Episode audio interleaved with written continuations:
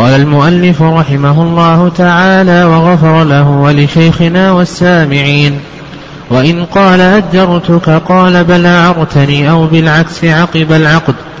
قبل قول مدعي الإعارة وبعد مضي مدة قول المالك في ماضيها بأجرة المثل. وإن قال أعرتني أو قال أجرتني قال بل غصبتني أو قال أعرتك قال بل أجرتني والبهيمة تالفة أو اختلفا في الرد فقول المالك باب الغصب وهو الاستيلاء على حق غيره قهرا بغير حق من عقار ومنقول وإن غصب كلبا يقتنى أو خمر ذمي ردهما ولا يرد ولا يرد جلد ميتة وإتلاف الثلاثة هدر وإن استولى على حر لم يضمنه وإن استعمله كرها أو حبسه فعليه أجرته ويلزم رد المغصوب بزيادته وإن غرم ضعافه وإن بنى في الأرض أو غرس لزمه القلع وأرش نقصها والتسوية والأجرة ولو غصب جارحا أو عبدا أو فرسا فحصل بذلك صيد فلمالكه. تقدم لنا جملة من أحكام العارية. وذكرنا من ذلك تعريف العارية في اللغة والاصطلاح وحكم العارية بالنسبة للمعير وبالنسبة للمستعير وما يتعلق بشروط العارية. وهل العارية مضمونة أو أنها ليست مضمونة؟ وتكلمنا على هذه المسألة وأن اختيار شيخ الإسلام تيمية رحمه الله أنها ليست مضمونة إلا بالشرط. وأن المشهور من المذهب أنها مضمونة إلا في أربع مسائل. ذكرنا هذه المسائل. وأيضا تعرضنا للفرق بين العارية والإجارة. وذكرنا عدة فروق عدة فروق بين البابين. ثم بعد ذلك في آخر باب العارية ذكر المؤلف رحمه الله شيئا من الاختلاف. بين القابض والمالك. فقال رحمه الله تعالى قال وإن قال أجرتك. قال بل أعرتني أو بالعكس عقب العقد قبل قول مدعي الإعارة. إلى آخر كلامه هذه مجموعة صور في الاختلاف بين المالك وقابض العين. الصورة الأولى إذا قال المالك أجرتك وقال من بيده العين بل أعرتني وذلك عقب العقد. يعني الصورة الأولى المالك يقول أجرتك. والقابض يقول أعرتني عقب العقد مباشرة ولنفرض أن السيارة بيد زيد وهي لعمر. عمر يقول أجرتك. وزيد الذي قبض السيارة يقول لا بل أعرتني. فما القول قوله؟ يقول لك المؤلف رحمه الله بأن القول قول القابض. الذي يدعي الإعارة. ولهذا قال لك قبل قول مدعي الإعارة. ففي هذه الصورة القول قول مدعي الإعارة. وقال لك قبل قول مدعي الإعارة. والعلة في ذلك أن الأصل عدم عقد الإجارة. الأصل عدم عقد الإجارة.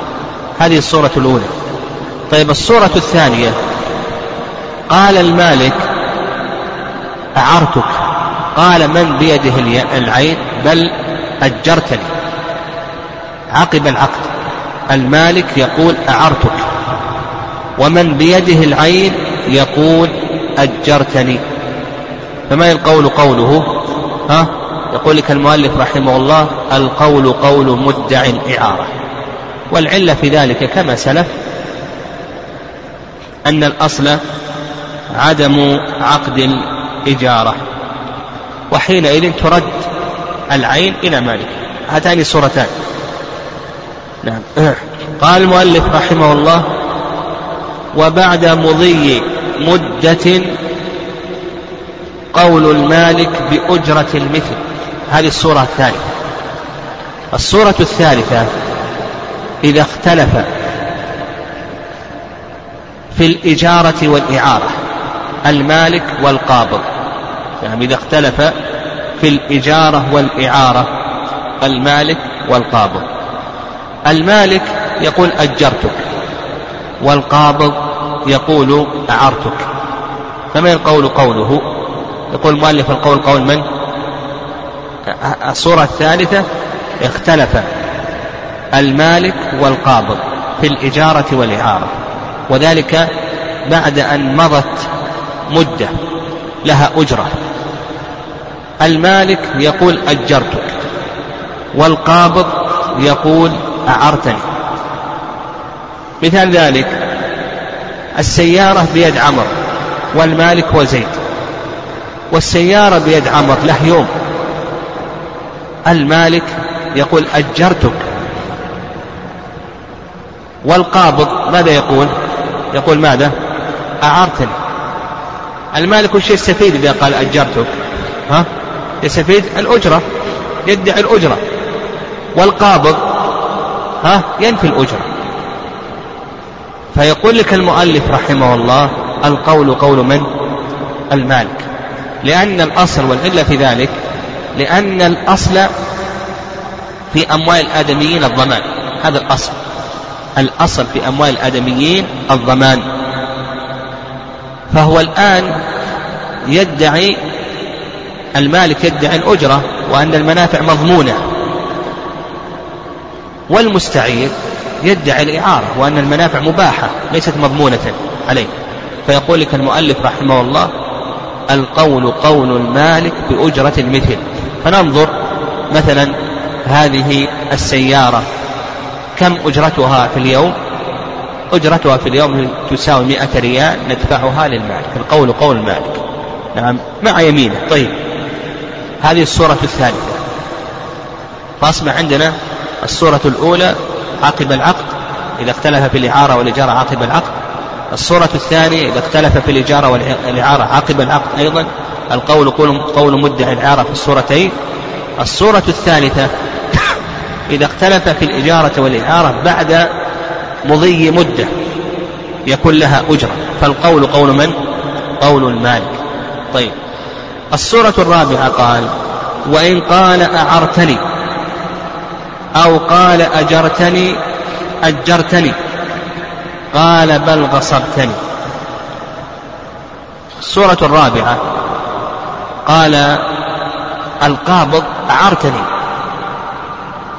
قال المالك لا أنت غصبتني ما أعرتك ها؟ هذه السورة الرابعة. يختلفان في أي شيء؟ في الغصب والإعارة المالك يقول غصبتني. والقابض ماذا يقول؟ يقول أعرتني. نعم. أو القابض يقول أجرتني والمالك يقول لا بل غصبتني. هذه الصورة الخامسة. ها الصورة الرابعة ماذا؟ المالك ماذا يقول؟ غصبتني. والقابض يقول أعرتني. الصورة السادسة المالك يقول قصبتني والقابض يقول أجرتني. فمن القول قوله؟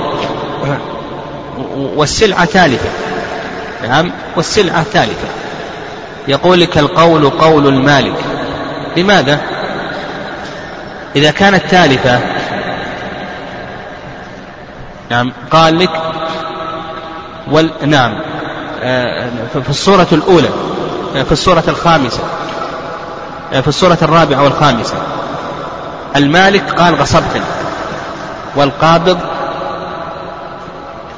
قال أعرتني. الصورة السادسة المالك قال غصبتني.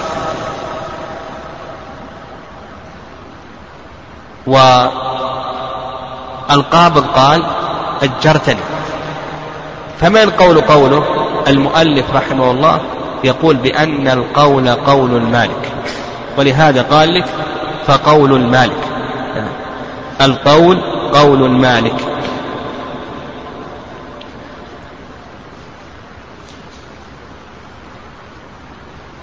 لماذا؟ لأن المالك يدعي ماذا؟ الغصب.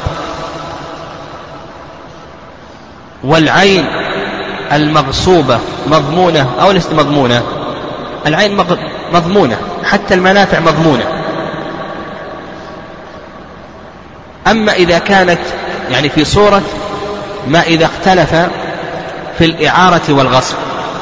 القول قول المالك. المنافع هنا هل هي مضمونة على المستعين أو ليست مضمونة؟ المنافع ليست مضمونة. لكن إذا قلنا بأنها غصب تكون مضمونة على القابض وليست مضمونة؟ مضمونة. والأصل في أموال الآدميين الضمان. واضح؟ ها؟ أو ليس واضحا؟ غير واضح. طيب أعيد. قال لك وإن قال أعرتني قال بل غصبتني هذه الصورة المالك يقول غصبتني والماء والقابض يقول لا أنا أنا ما غصبتك أنت أعرتني السيارة القول قول من؟ ها؟ قول المالك لماذا القول قول المالك؟ لو قلنا بأن القول قول مدعي الإعارة هل المنافع مضمونة أو ليست مضمونة؟ ليست مضمونة لكن لو قلنا بأن القول قول المالك وأنها غصب المنافع تكون مضمونة أو ليست مضمونة؟ مضمونة والأصل في أموال الآدميين ماذا؟ الضمان الأصل في أموال الآدميين الضمان واضح؟ طيب الصورة التي السادسة أو الخامسة قال المالك غصبتني قال القابض الذي بيده أنا ما غصبتك بل أجرتني بل أجرتني القول قول يقول المؤلف رحمه الله القول قول من؟ يقول قول المالك. لماذا؟ لأن الإجارة أمانة. العين المؤجرة أمانة ما تضمن إلا بالتعدي والتفريط. لكن العين المغصوبة مضمونة مطلقة. إذا تلفت مضمونة مطلقة. ها هو الأصل في أموال الآدميين ماذا؟ الضمان. الأصل في أموال الضمان طيب الصورة الثالثة. قال أو قال أعرتك؟ قال بل أجرتني والبهيمة تالي. هذه الصورة السادسة الصورة السادسة قال المالك أعرتك؟ السيارة. والسيارة قد تلفت. قال أعرتك. قال لا بل أجرتني. القول قول من؟ قول مالك تكون مضمونة ولا ليست مضمونة؟ ها؟ لا على المذهب العارية مضمونة فالمالك يقول أعرتك لماذا؟ لكي ما دام إنها تالفة الآن لكي يضمنها القابض لكي يضمن لأن العارية مضمونة عنده والقابض يقول لا أنت أجرتني ما علي ضمان لأنها أمانة لا يضمن إلا بالتعدي أو التفريط فالمالك يقول أعرتك لكي يضمنه. والقابض يقول ماذا؟ يقول أجرتني. ها؟ لكي لا يضمن. لأن لأن العين المستأجرة أمانة. ما تضمن إلا بالتعدي أو التفريط فيقول لك القول قول من؟ ها؟ المالك. لماذا؟ لأن أصل في أموال الآدميين الضمان.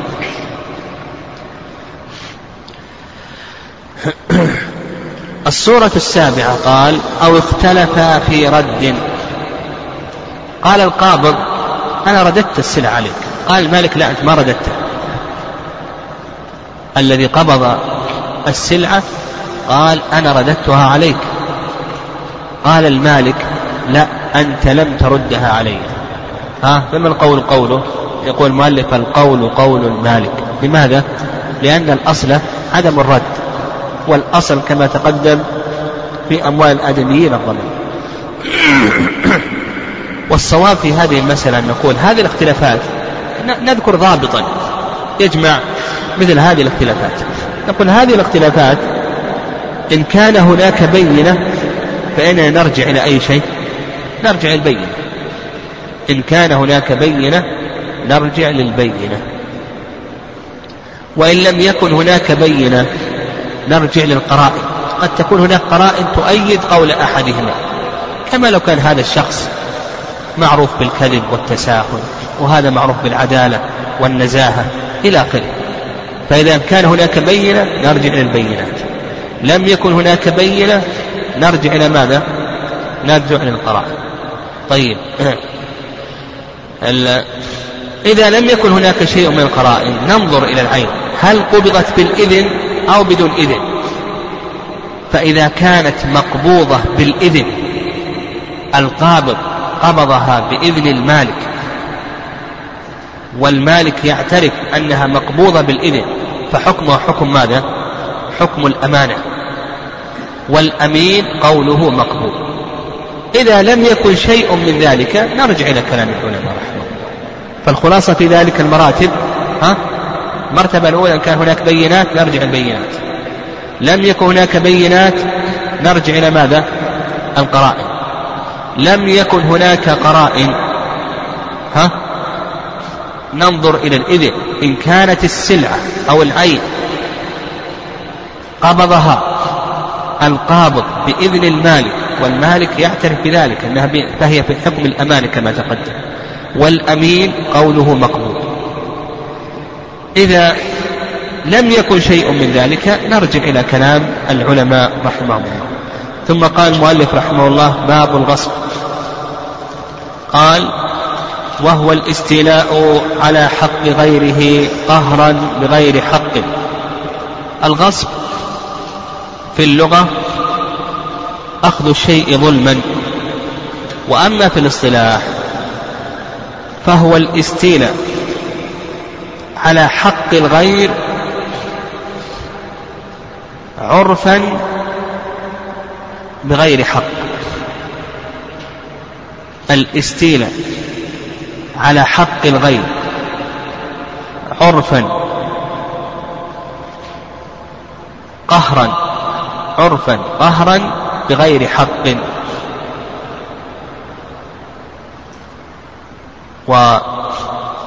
والغصب حكمه محرم ولا يجوز لأنه من أكل أموال الناس بالباطل.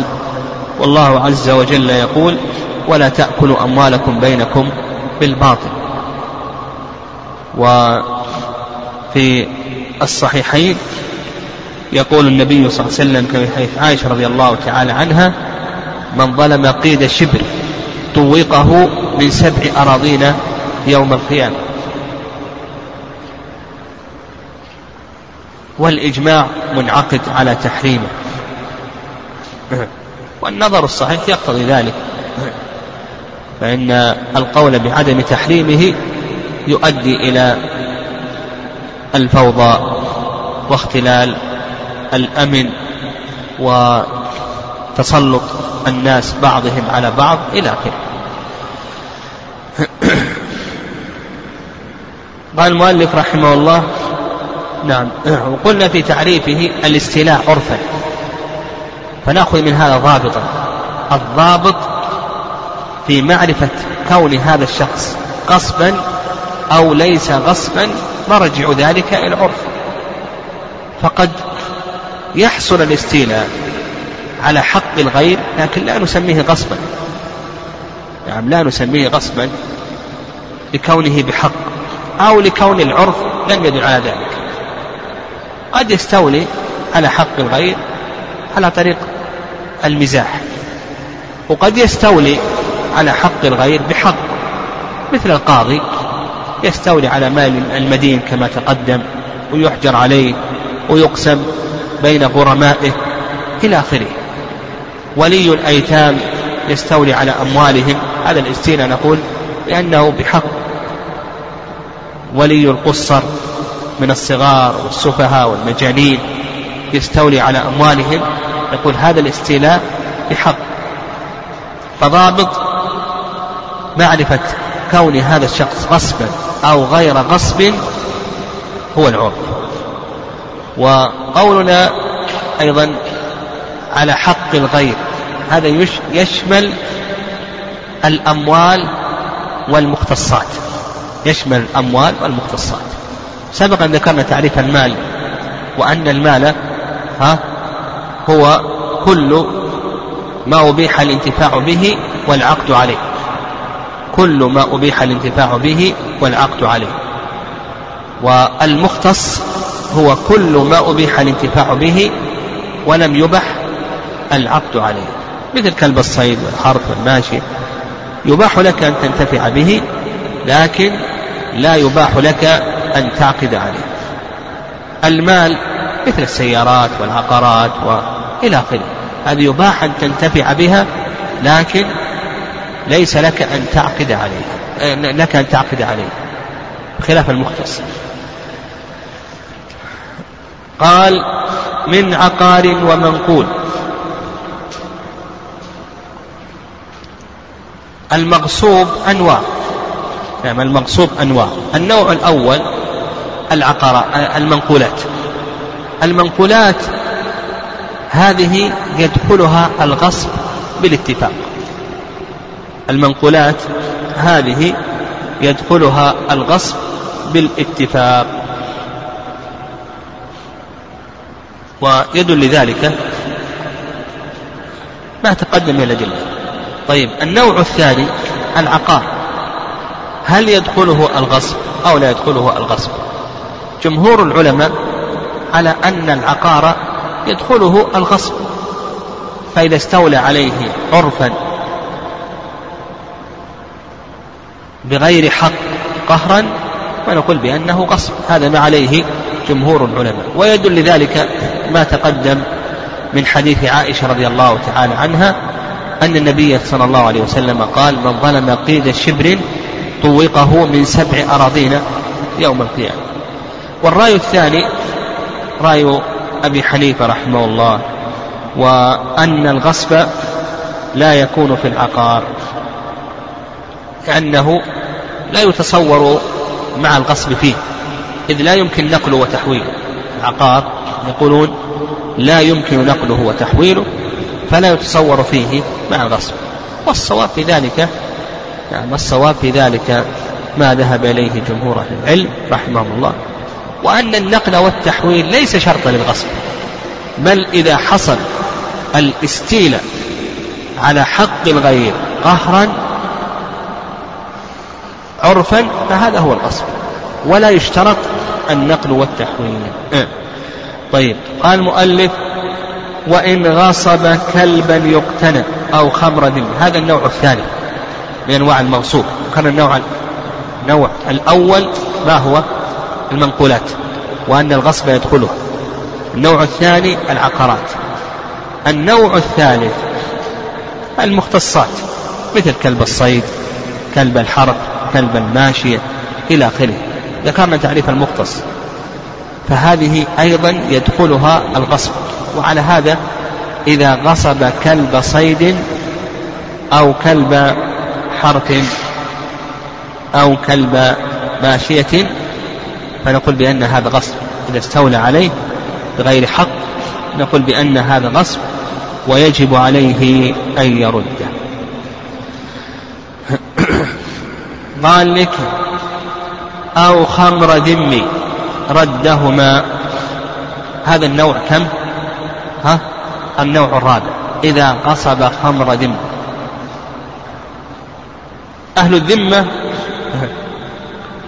كما تقدم النصارى يستحلون الخمر وإن كانت محرمة ويقرون على شربها بشرط أن تكون مستورة فإذا كانت مستورة فإن أهل الذمة يقرون على شربها لأنهم يستحلونها وإن كانت محرمة في شرائعهم وعلى هذا إذا غصب هذه الخمر للذم بشرط أن تكون محترمة. والمحترمة هي ماذا؟ المستورة. أما غير المستورة التي يجاهر بها فهذه لا يجب ردها لكن يجب رد خمر الذم المستورة. فإذا غصبها نقول يجب عليه أن يردها. وهي تعتبر مال عنده. نعم. عنده هي تعتبر مال. لأنه لأن المسلمين يقرونه على شربها قال ولا يرد جلد ميتة وإتلاف الثلاثة هدر. ويقول لك المؤلف رحمه الله يجب عليه أن يرد. كما قلنا المختصات تدخل تحت الغصب ولا تدخل تحت الغصب؟ تدخل تحت الغصب. يجب عليه أن يردها يجب عليه أن يردها. قال لك المؤلف جلد الميتة لا يجب عليه أن يردها. لماذا؟ ها؟ أيوة لأن لا هو لماذا يرون جلد الميتة؟ ما يجب أن يرد. ها؟ لا لا ما هو مسألة عرف لا أيوة. نجس طيب. لأنهم لا يرون أنه يطهر بالدماء المذهب لا يرون أن جلد الميتة يطهر بالدم. والصواب كما تقدم لنا وإن كان يباح الانتفاع به لكن لا يرون أنه يطهر بالدم. والصواب في ذلك أنه يطهر بالدم. وإذا كان كذلك فإنه يكون مالا. صحيح أنه يكون مالا. يطهر الآن بالدبق وليس مختصا بل يعاوض عليه. وعلى هذا يجب أن يرد. وإتلاف الثلاثة هدر. يعني لا عوض عليه. ما هي الثلاثة؟ قال لك الكلب كلب الحرب والماشي إلى آخره. لو أنه غصبه يجب أن يرده لكن لو أنه أتلفه. ها؟ هدر. لماذا؟ لأنه ليس له قيمة شرعا. والنبي صلى الله عليه وسلم نهى عن عن بيع عن ثمن الكلب. ليس له قيمة شرعا. أيضا خمر الذمي ها ليس لها قيمة شرعا. وإن كانت عنده لها قيمة. إذا أتلفها فإنه لا شيء فيها. لا يجب عليه الضمان. وإن كان يجب عليه أن يردها طيب جلد الميتة أيضا يرون أنه لا قيمة له لأنهم لا يرون أنه يطهر بالدم. والصواب في هذه المسألة كما سلف ها الصواب في هذه المسألة أنه يطهر بالدم وعلى هذا إتلافه لا يكون هدرا بل هو مال يعاوض عليه. قال وإن استولى على حر لم يضمنه وإن استعمله كرها أو حبسه فعليه أجرته. هذا النوع الخامس من أنواع المغصوب. النوع الخامس من أنواع المغصوب الحر. الحر هل يدخل تحت الغصب؟ هل يدخل تحت اليد؟ بمعنى هل يصح غصبه أو نقول بأنه لا يصح غصبه. المؤلف رحمه الله تعالى يرى أنه لا يدخل تحت اليد. بمعنى أنه لا يصح غصبه. لماذا؟ لأن الحر ليس مال. الغصب يكون لأي شيء للأموال. والحر ليس مالا والغصب يكون لأي شيء للأموال وعكس ذلك الرقيق فالرقيق مال يدخل تحت اليد ويصح غصبه. فالحر يقول لك المؤلف رحمه الله بأنه ليس مالا وحينئذ لا يدخل تحت اليد. نعم.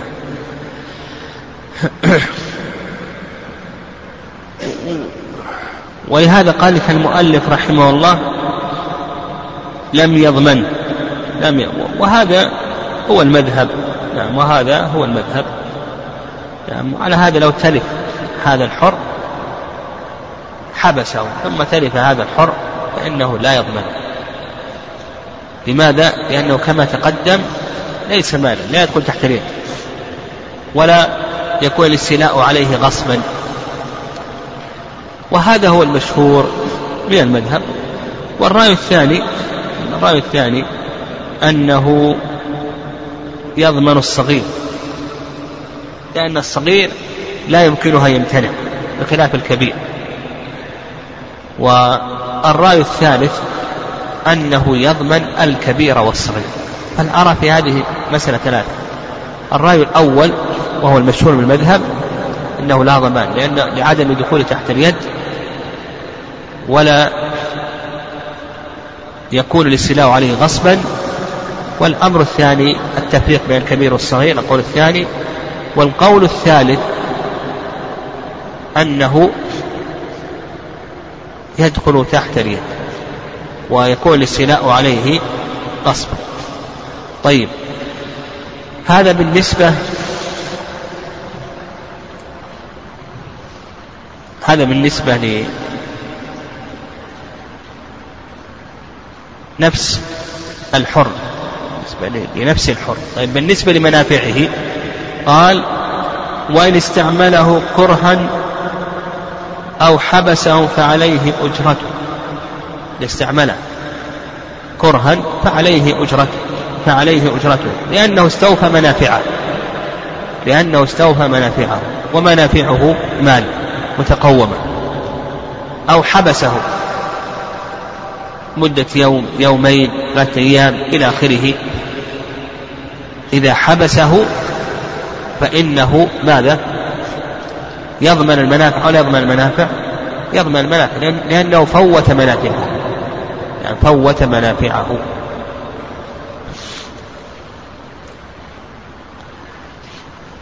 نعم. قال ويلزم رد المغصوب.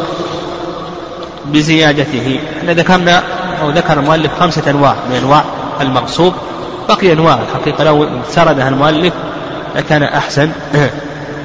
ستأتينا إن شاء الله. طيب ما الذي يلزم الغاصب؟ إذا غصب ما الذي يلزم الغاصب؟ قال لك المؤلف رحمه الله ويلزم رد المغصوب. الغاصب يلزمه أشياء. الشيء الأول التوبة إلى الله عز وجل لأن الغصب محرم ولا يجوز. الثاني قال لك رد المغصوب إذا كان باقيا. وقدر على رده. نقول الثاني مما يلزمه يقول يجب عليك أن ترد المغصوب. ما دمت تقدر على رده يجب عليك أن ترده. بزياداته هذا الأمر الثالث. يجب أن ترد المغصوب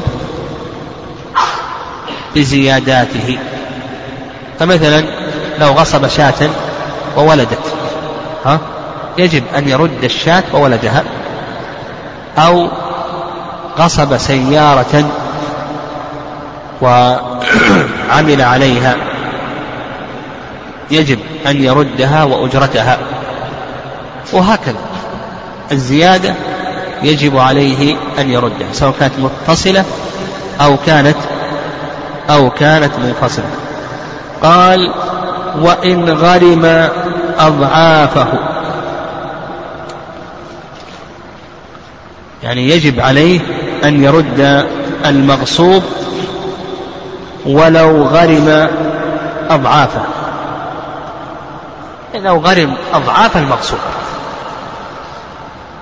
مثلا غصب حديدا. وجعله في أساسات البناء. وبنى عليه عمارة. ها؟ نقول؟ اهدم العمارة. وأخرج الحديد ورده إلى صاحبه. يجب عليك ما دام تقدر على ذلك يجب عليه أن يرده ولو غرم ضعفه زي عمارة مليون. ويبي يحتاج له 200 ألف يكسر العمارة ولو كان. لحديث سعيد بن زيد ليس لعرض ظالم حق. يعني ليس. والظالم والغاصب ظالم. الغاصب ظالم هو اللي هو اللي يتعدى. هو الذي يتعدى. فيجب عليه أنه يهدم وأن يحفر وأن يرد المغصوب إلى أهله. وإن نقص أيضا ها عليه ضمان النقص. ما يكفي أن يرد بس أيضا عليه ضمان النقص. وهذا ما عليه جماهير العلماء. عليه جميع لأنها ظالم. والظالم يعامل بأضيق الأمرين. والرأي الثاني رأي الحنفية. يقولون إذا غصب ساجة حنفية وبنى عليها انقطع حق المالك ووجبت القيمة.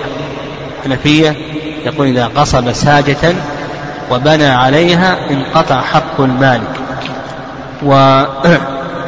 ولزمه قيمتها. نعم لزمه قيمتها. نعم. والذي يظهر والله أعلم يعني أن مثل هذا أنه يرجع للسياسة الشرعية. قد يرى الحاكم أنه يأخذ برأي الجمهور يقول يلزم بالهدم ولو كان. إذا كان الناس لا يرتدعون إلا بمثل هذا الشيء. يعني يرتدعون يعني قول الجمهور قوي. قول الجمهور قوي. حتى ولو أدى ذلك إلى هدم العمارة إلى آخره. والضرر الذي يلحق الغاصب هو هو الذي جره لنفسه. فيظهر والله أعلم أن هذا يرجع إلى اجتهاد القاضي. طيب. قال وإن بنى في الأرض أو غرس لزمه القلب وأرش نقصها وأرش نقصها وتسويتها والأجرة وسبق أن ذكرنا أن العلماء رحمهم الله دائما يقرنون بين ماذا؟ ها؟ بين الغرس والبناء لماذا؟ يقرنون بين الغرس والبناء في الأحكام لماذا؟ لأن الغراس يشبه البناء لكون المدة فيه طويلة. مثلا غرس النخل النخل يجلس سنوات والأشجار مثلا غرس أشجار تفاح أو برتقال تجلس هذه سنوات كالبناء. ولهذا يقرنون بين الغراس والبناء ها؟ لماذا؟ المدة فيه طويلة. المدة فيه طويلة.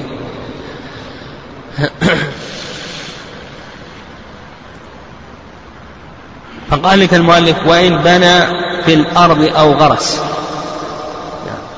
الآن بنى بنى عمارة غرس الأرض وبنى عمارة. خمسة أدوار. ها؟ أو غرس. غرس فيها ماذا؟ نخيل أو أشجار زيتون أو نحو ذلك. قال لزمه القلب. هذا الأمر الأول. يجب عليك تهدم العمارة. عمار يجب عليك تهدم العمارة. طيب كلفت ثلاث ملايين. أهدم ولو كلف ليس لعرق ظالم حق. نعم ليس لعرق ظالم حق. وهذا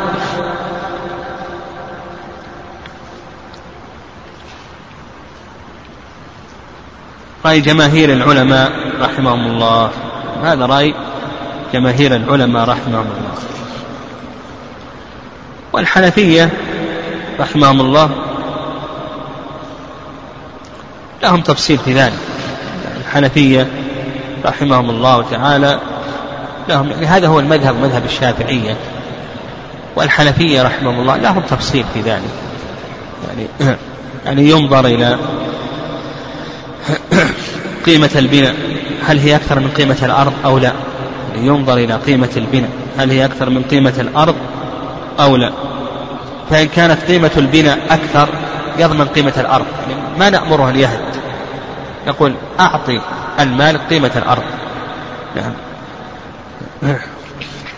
وهذا يعني ما ذهب إليه الحنفية رحمه الله. والصواب في ذلك أن نقول كما تقدم. الصواب في ذلك نقول الأصل أنه يؤمر بالهدم لأنه ليس لعرق ظالم حق. اللهم إلا أن نستثني من ذلك إذا فحش الضرر. يعني كونه يقلع الغراس هذا الضرر سهل. غرس نخيل يقلع النخيل ويضعه في مكان آخر. غرس أشجار زيتون يقلع ويضعه في مكان آخر. بنى بناء سهلا يقلع ما في مشكلة هذا لكن إذا بنى أدوارا بنى مثلا خمسة أدوار ستة أدوار إلى آخره. هل نقول اهدم ها؟ إذا فحش الضرر. نعم إذا فحش الضرر. هل نقول يجب أن تهدم أو لا؟ الأصل أنه يجب عليه. ها؟ الأصل يجب عليه أن يهدم. هذا الأصل.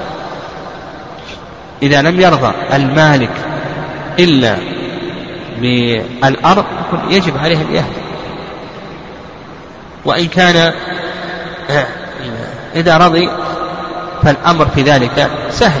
رضي المالك أن يأخذ قيمة الأرض فالأمر في ذلك سهل. المهم مثل هذه يظهر والله أعلم أن نقول بالتفصيل. إن كان الضرر يسيرا فيجب كما ذكر المؤلف أن يقلع الغرس وأن يهدم البناء كان الضرر يسيرا. وإن كان الضرر فاحشا كثيرا فهذا يرجع إلى اجتهاد القاضي. إن رأى القاضي أن يلزمه بالهدم والقلع ألزمه وإن رأى أن يعوض يعني أو يخير المالك أنه يأخذ البناء بقيمته أو الغراس بقيمته أو يأخذ قيمة الأرض فله ذلك. يعني الغاصب على كل الأحوال نعامله بأضيق الأمرين. نعامله بأضيق الأمرين. فإن كان الضرر يسيرا ها فهذا الأصل وجوب القلب والغرس. اللهم إلا إلا إذا رضي المالك الأمر راجع إليه لكن إذا لم يرضى. والحالة الثانية أن يكون الضرر كثيرا فاحشا. فهذا يرجع إلى اجتهاد القاضي. فإن رأى القاضي أن يلزم الغاصب بالهدم والقلع لزم. وإن رأى أنه أنه لا يلزمه فيخير المالك. بين أن يأخذ قيمة الأرض أو يأخذ البناء أو الغراس. يكون أحق به من الغاصب هذا يظهر والله أعلم. على كل حال أن الغاصب نعامله ماذا؟ بأضيق الأمرين قال لك لزمه القلع والهدم. هذا الأمر. قال وأرش نقصها. هذا الأمر الثاني. مما يلزم هذا الغاصب. أرش النقص. الأرض إذا غرس فيها سيحصل لها نقص. أو بلي فيها قد يحصل لها نقص. فإذا نقصت فنقول يلزم ماذا؟ بأرش النقص. وتسويتها هذا الأمر الثالث أيضا يجب عليه أن يسوي الأرض. بعد قلع الغراس وهدم البناء يجب أن يسوي الأرض. والأجرة هذا الأمر الرابع. تجب الأجرة. مثلا غصبها لمدة شهر شهرين إلى آخره هذه الأرض لها منافع. فوت هذه المنافع على المالك. والأمر الخامس ما ذكره المؤلف رحمه الله وهو التوبة أنه يجب عليه أن يتوب إلى الله عز وجل. طيب قال ولو غصب جارحا أو عبدا أو فرسا فحصل بذلك صيد فلمالكه. هذا الأمر هذا النوع كم؟ ذكرنا خمسة أنواع من أنواع المغصوب. ها؟ النوع السادس. النوع السادس من أنواع المغصوب. إذا غصب شيئا له كسب. غصب سيارة اكتسب عليها أو غصب جملا حمل عليه الأثقال أو غصب المهم غصب شيئا اكتسب عليه. يعني سيارة أو دابة أو نحو ذلك ها؟ فحصل بذلك صيد فلمالكه. صاد صاد به. نعم. أو مثلا أجر السيارة. الأجرة تكون لمن؟ للمالك. أجر السيارة قصب السيارة وأجرها. الأجرة للمالك. غصب الفرس صاد عليه. أو غصب الكلب صاد عليه فنقول الصيد هذا يكون لمن؟ للمالك. تقدم لنا أن المغصوب يرد بزيادته. وهل الغاصب له أجرة أو ليس له أجرة؟ على عمله هذا نقول ليس له أجرة. لأنه متعد بالغصب. قال رحمه الله وإن ضرب المصوغ ونسج الغسل الغسل الغزل وقصر الثوب.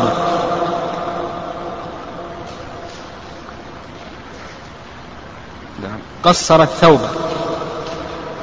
القصار هو الذي يبيض الثياب.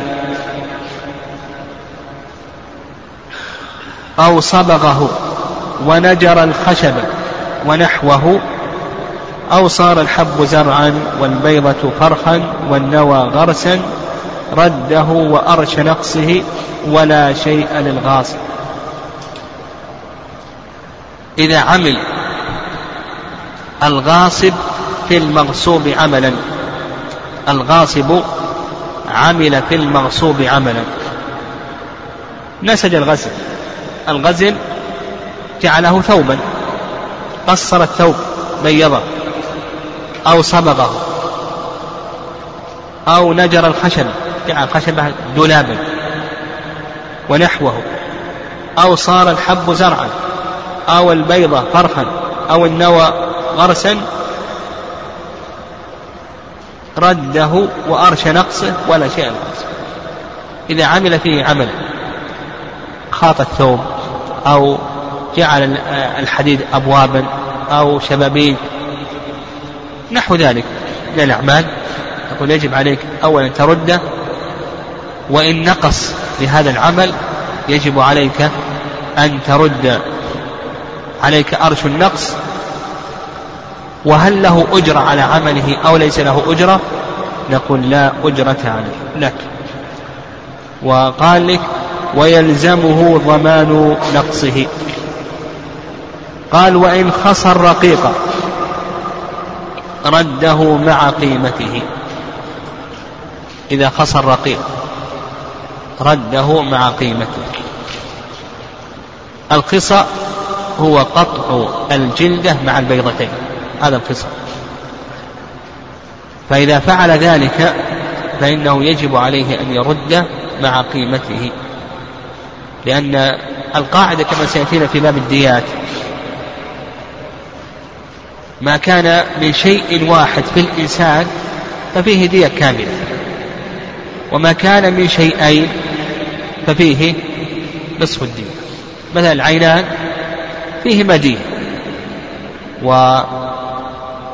وإحداهما فيه نصف الدية فيها نصف الدية وعلى هذا فقس. وهنا قال لك المؤلف رحمه الله تعالى رده مع قيمته.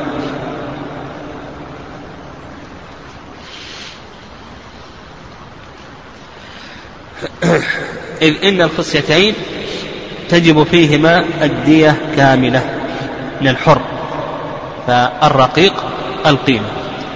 قال وما نقص بسعر لم يضمن. إذا نقص إذا نقصت العين لنقص لنزول السعر هل يضمن؟ نقص السعر أو لا يضمن مثال ذلك غصب سيارة اليوم قيمتها تساوي عشرة آلاف. في المساء نزلت الأسعار وأصبحت تساوي ثمانية آلاف ثم ردها من الغد. الآن كم لما ردها كم تساوي القيمة؟ تساوي ثمانية. هل يجب عليه أن يضمن هذا النقص أو نقول لا يجب عليه يضمن هذا النقص. المؤلف رحمه الله يقول نقص السعر لا يجب عليه. والعلة في ذلك أنه رد العين بحالها لم ينقص منها شيء. واختلاف السعر هذا ليس إليه والرأي الثاني نعم الرأي الثاني وهو رواية الإمام أحمد واختاره شيخ الإسلام تيمية رحمه الله.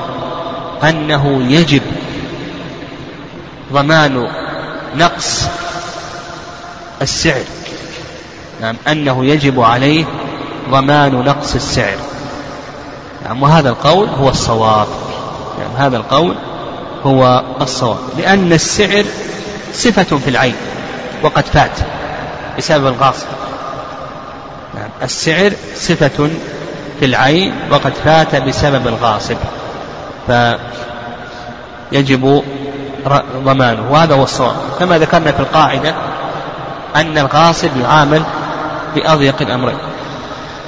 قال ولا بمرض عاد ببرئه.